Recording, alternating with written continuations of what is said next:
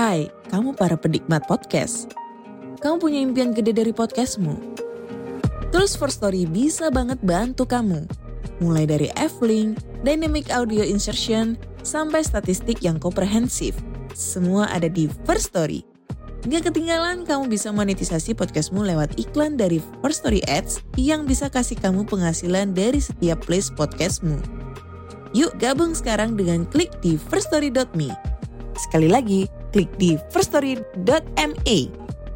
Mari kita bawa mimpi podcastingmu menjadi kenyataan. Box to Box Media Network.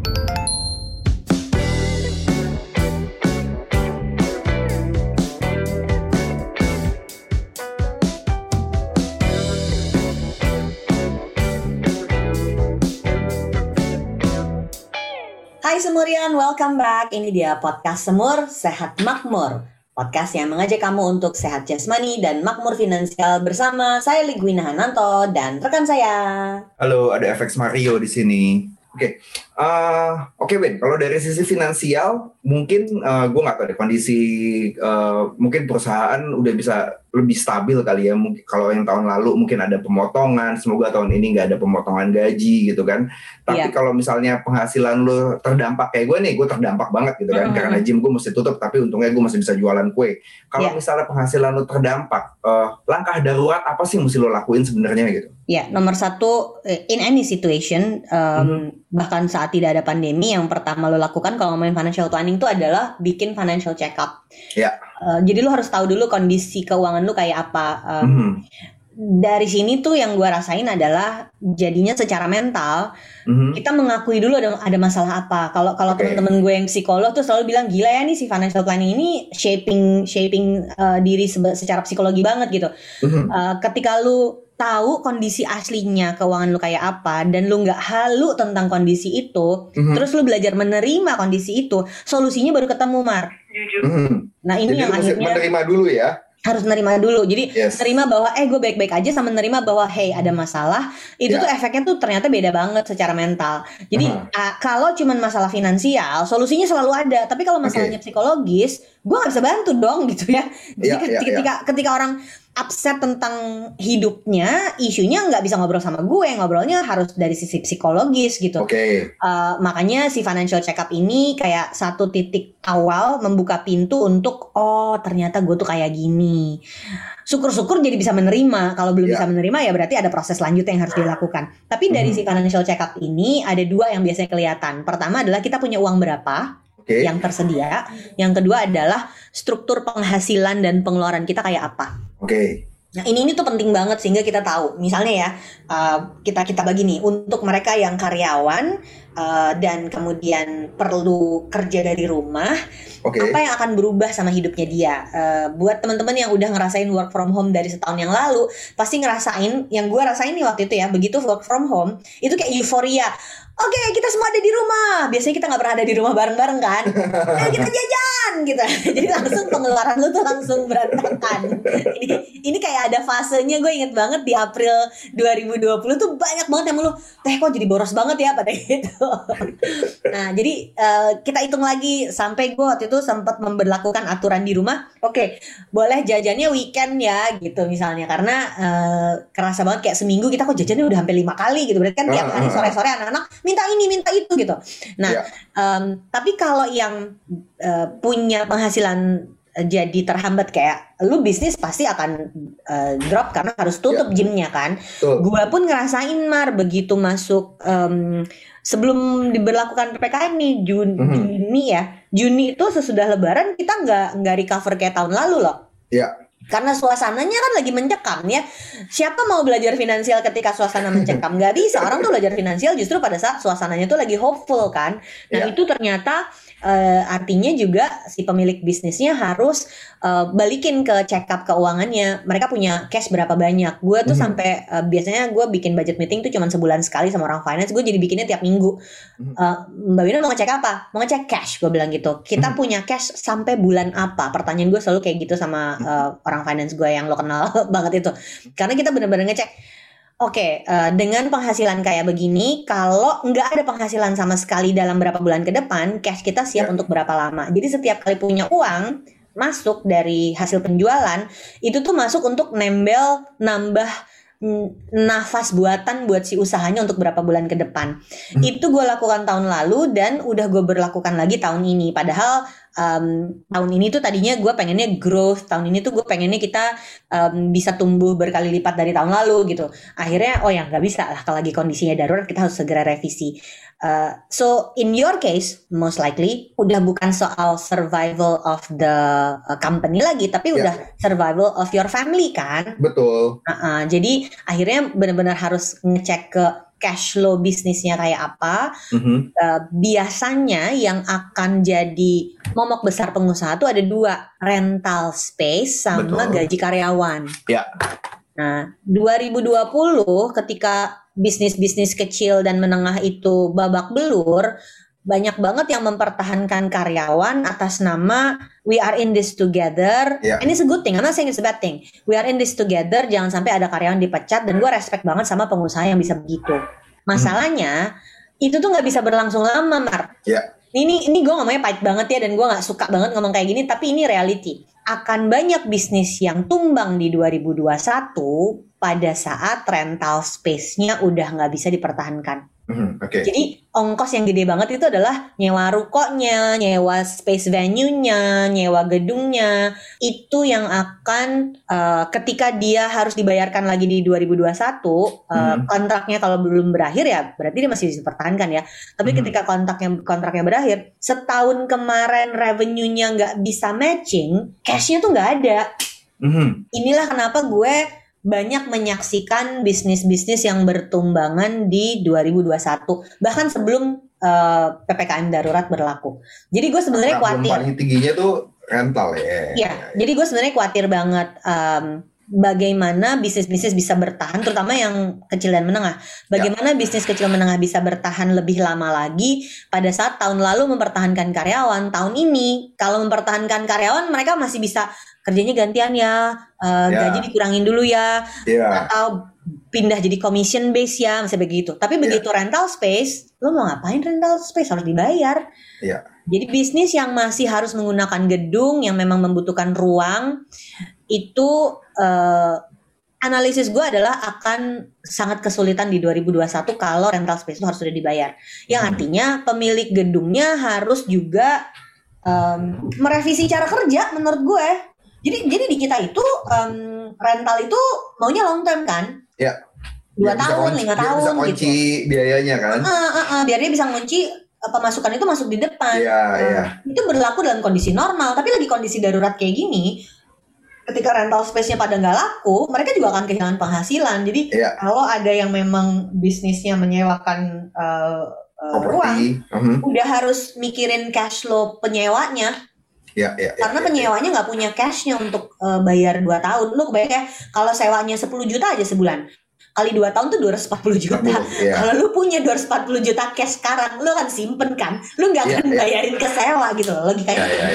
Tapi kalau boleh nggak Pak kontraknya 6 bulan tapi saya bayar per bulan. Iya. Sehingga sama-sama survive, dia dapat duit si yang yang eh, bisnisnya juga megang cash. Itu Hmm. sih kalau dari sisi bisnis kecil menengah yang gue sangat-sangat khawatir. Kalau dari sisi personal ya kita benar-benar dalam tanda kutip ya kayak nyambung napas buatan Mhm. dan yang gue khawatir ini mau sampai kapan gue kemarin ada ada beberapa beberapa uh, komentar gue yang menurut gue uh, penting untuk kita uh, lihat dan bahas sama-sama soal kalau ada yang sakit dan kena lu mau kirim-kirim apa lu mau kirim Ya, iya.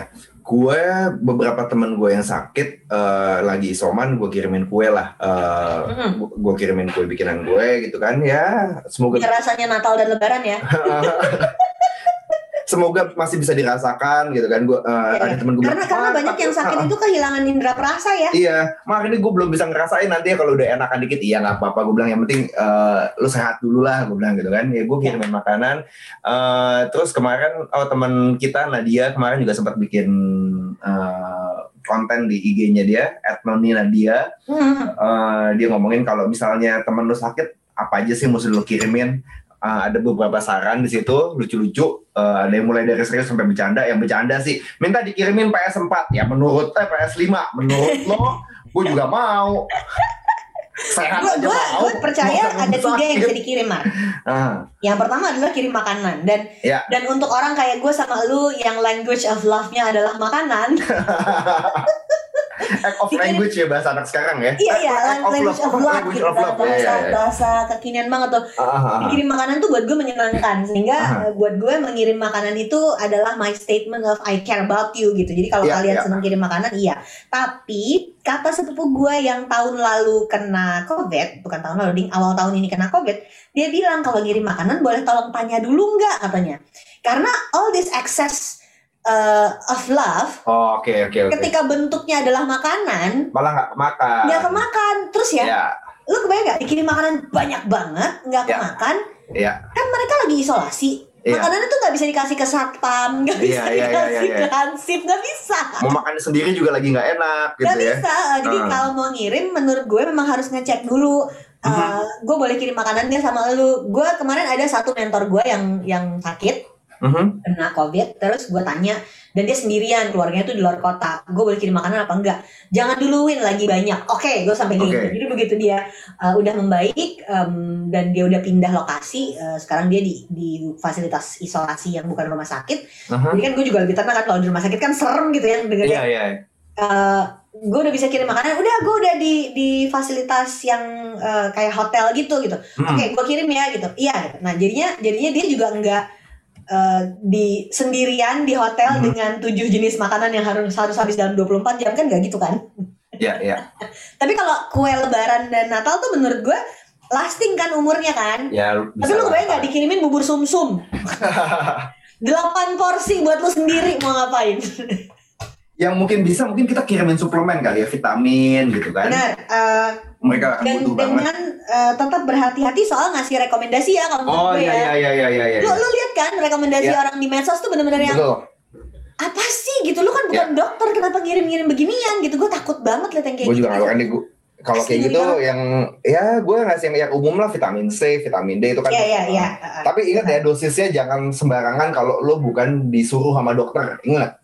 Dokter yang lo praktek bukan postingan mungkin ada dokter di sosmed yang mungkin nggak tahu kondisi lo. Ingat ya, lo cek dulu ke dokter lo sendiri. Ya karena tiap orang beda-beda. Eh, Yes. ini gue kasih warning kenapa? Karena gue baca yang minum paracetamol berapa tablet gue yang eh buset liver lo kena lo gitu. Iya iya. suami gue tuh waktu dia eh, operasi tulang eh sempat livernya bermasalah karena ternyata nggak kuat kena eh, paracetamol. Hmm, hmm, hmm, hmm. Jadi itu tuh harus pergi ke internis untuk beberapa minggu untuk ngecek terus sampai kondisi livernya normal lagi dan kesimpulan akhir dari si internisnya adalah ini efek dari operasi gitu. Ya. Jadi hati-hati loh minum obat tuh jangan sembarangan. Kita Ya. kan suka nggak ngerti gitu ya Gua minum aja lah nggak apa-apa apa salahnya eh ginjal liver internal organ lu bisa bermasalah gara-gara gitu Gua juga jadi kirim yang pertama tuh makanan kirim yang Hmm. kedua mar kirim duit Oh, oke. ini mungkin nggak biasa tapi di beberapa kasus gue merasa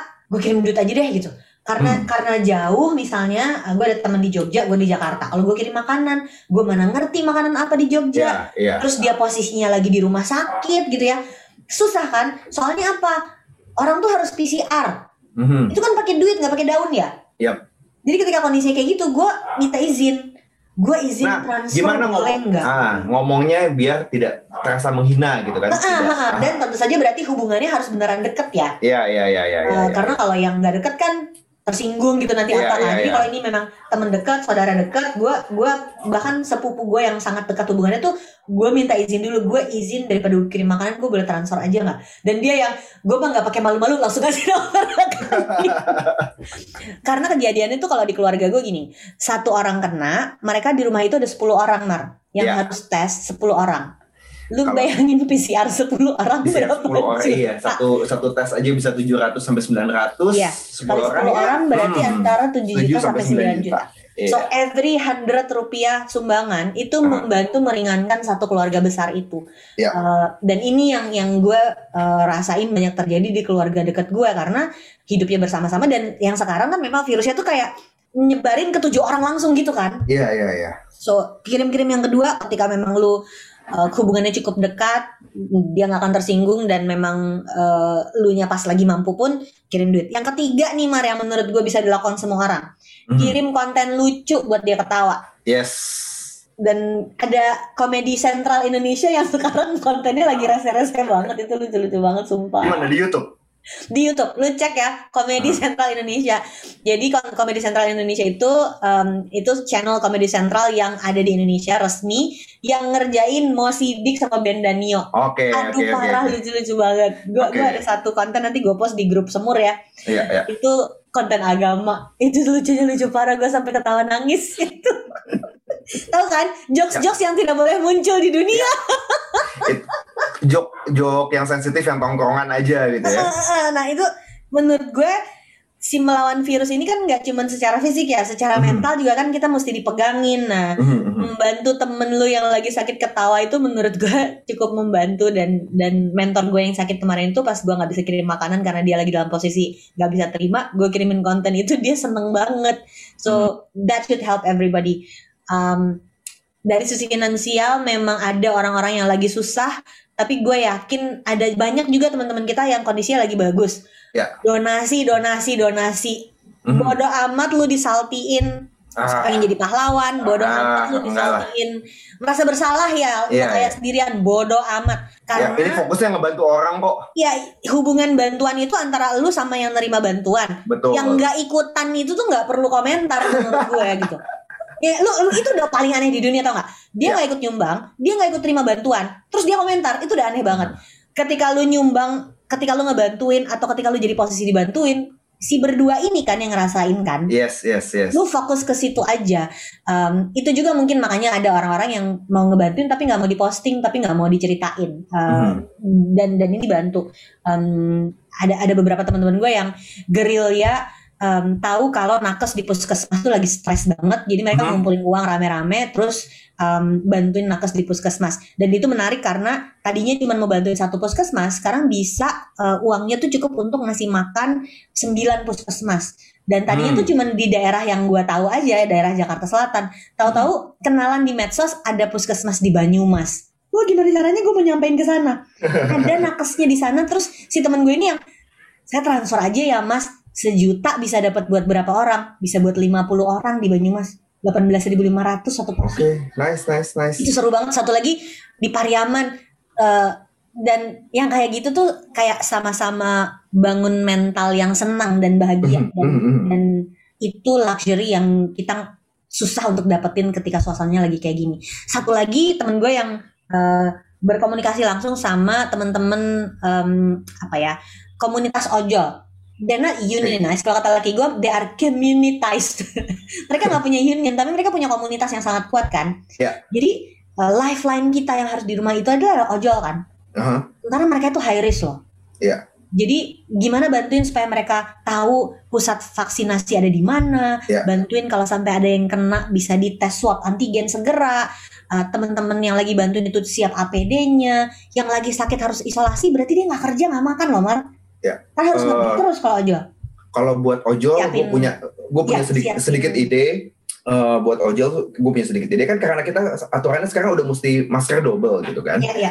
Sementara buat ojol pakai masker double tuh berarti pengeluaran tambahan. Iya. Eh, kalau lo punya masker medis yang bisa lo bagikan ke ojol, menurut gue tuh bagus banget sih. Iya. Karena oke kain kain lo bisa pakai sekarang, lo cuci, eh, lo pakai cadangan. Kalau medis kan dibuang Heeh, medis kan mesti lu buang. Kalau lu mau menyumbangkan masker medis ke ojol yang ngebantu lu ngirim barang atau kirim makanan, itu menurut gue that's a good idea sih. sesederhana kalau lu terima delivery nanti siang Iya, lu bagi dua lembar aja iya, masker medis plastik sama gitu. yang ha. delivery supaya kalau dia nanti sore mesti ganti dia punya dia nggak usah beli Yes, yes, yes, yes, yes. Iya nggak sih? yes, Karena yes.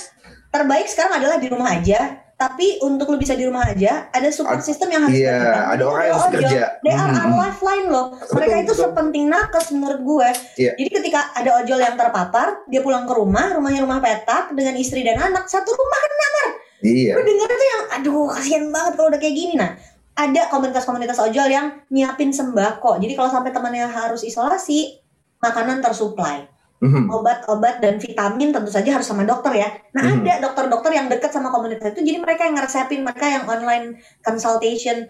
Nah yang kayak gini nih swadaya masyarakat kayak gini harus kita bantuin. So Betul.